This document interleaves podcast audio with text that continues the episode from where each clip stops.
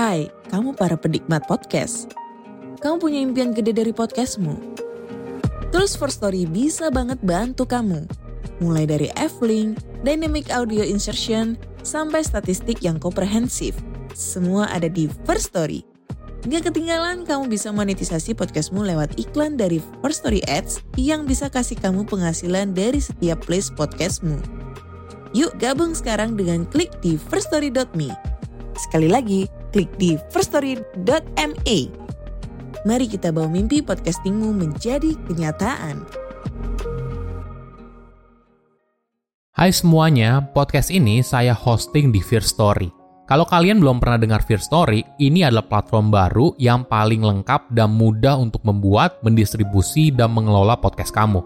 Nah, jadi Fear Story itu bisa kamu gunakan 100% gratis. Kamu bisa mengupload episode terjadwal dan mendistribusikan podcast kamu di semua platform podcast di Indonesia. Fear Story juga menyediakan customer service yang berisikan podcaster berpengalaman kamu bisa share podcast kamu tanpa ribet dengan F-Link yang akan mencakup semua link platform kamu dan sosial medianya. Dengan Fear Story Ads, kamu bisa mengakses monetisasi yang mudah dan beneran bisa kamu cairin tanpa biaya tambahan gak pakai repot. Jadi tunggu apa lagi? Yuk maksimalkan podcast kamu dengan platform hosting dari Fear Story. Daftar sekarang di fearstory.me dan buat podcastmu jadi kenyataan.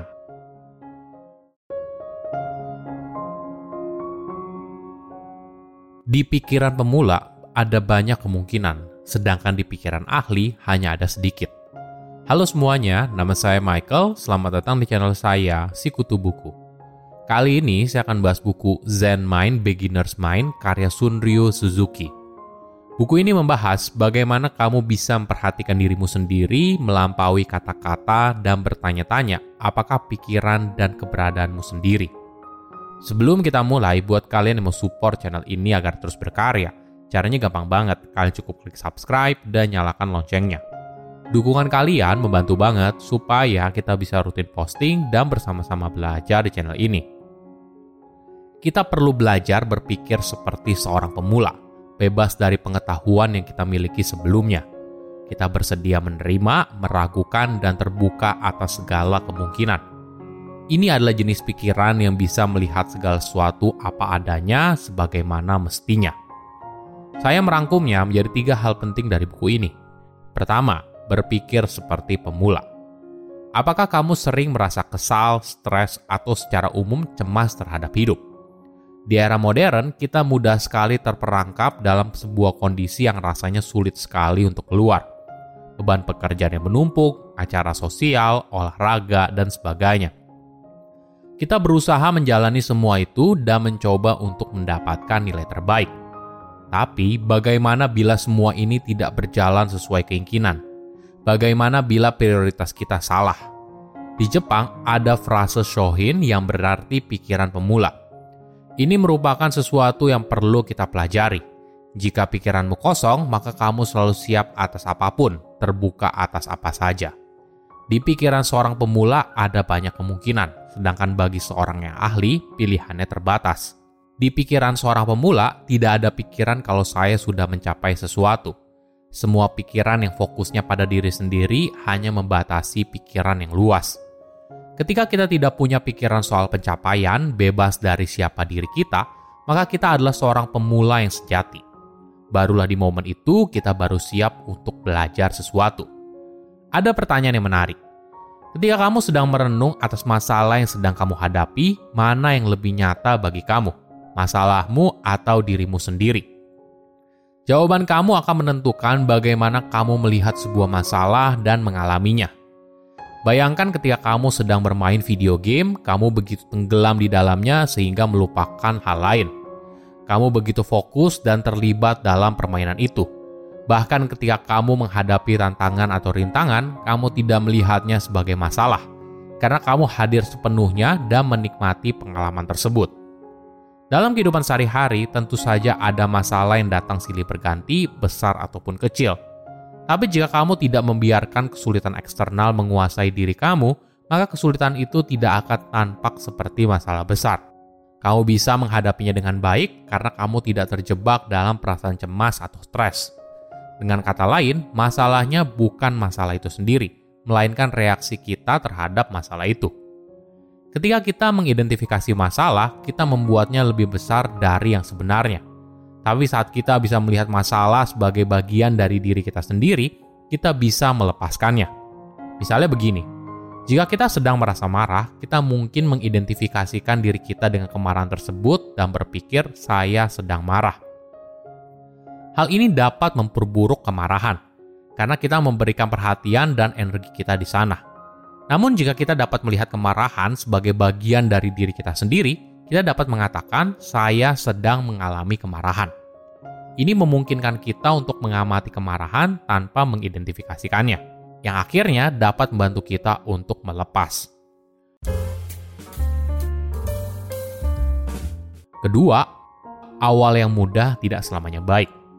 Masyarakat sering kali memberikan penilaian tinggi pada seseorang yang sukses, apalagi jika kesuksesan itu dicapai dalam waktu yang singkat dan mudah. Mereka dianggap sebagai orang yang jenius. Tapi sayangnya, situasi yang dianggap beruntung justru bisa menghambat orang itu.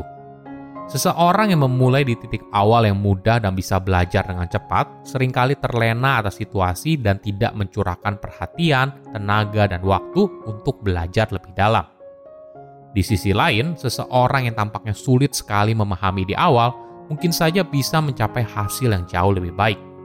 Orang itu punya kegigihan yang tidak dimiliki oleh orang yang berbakat.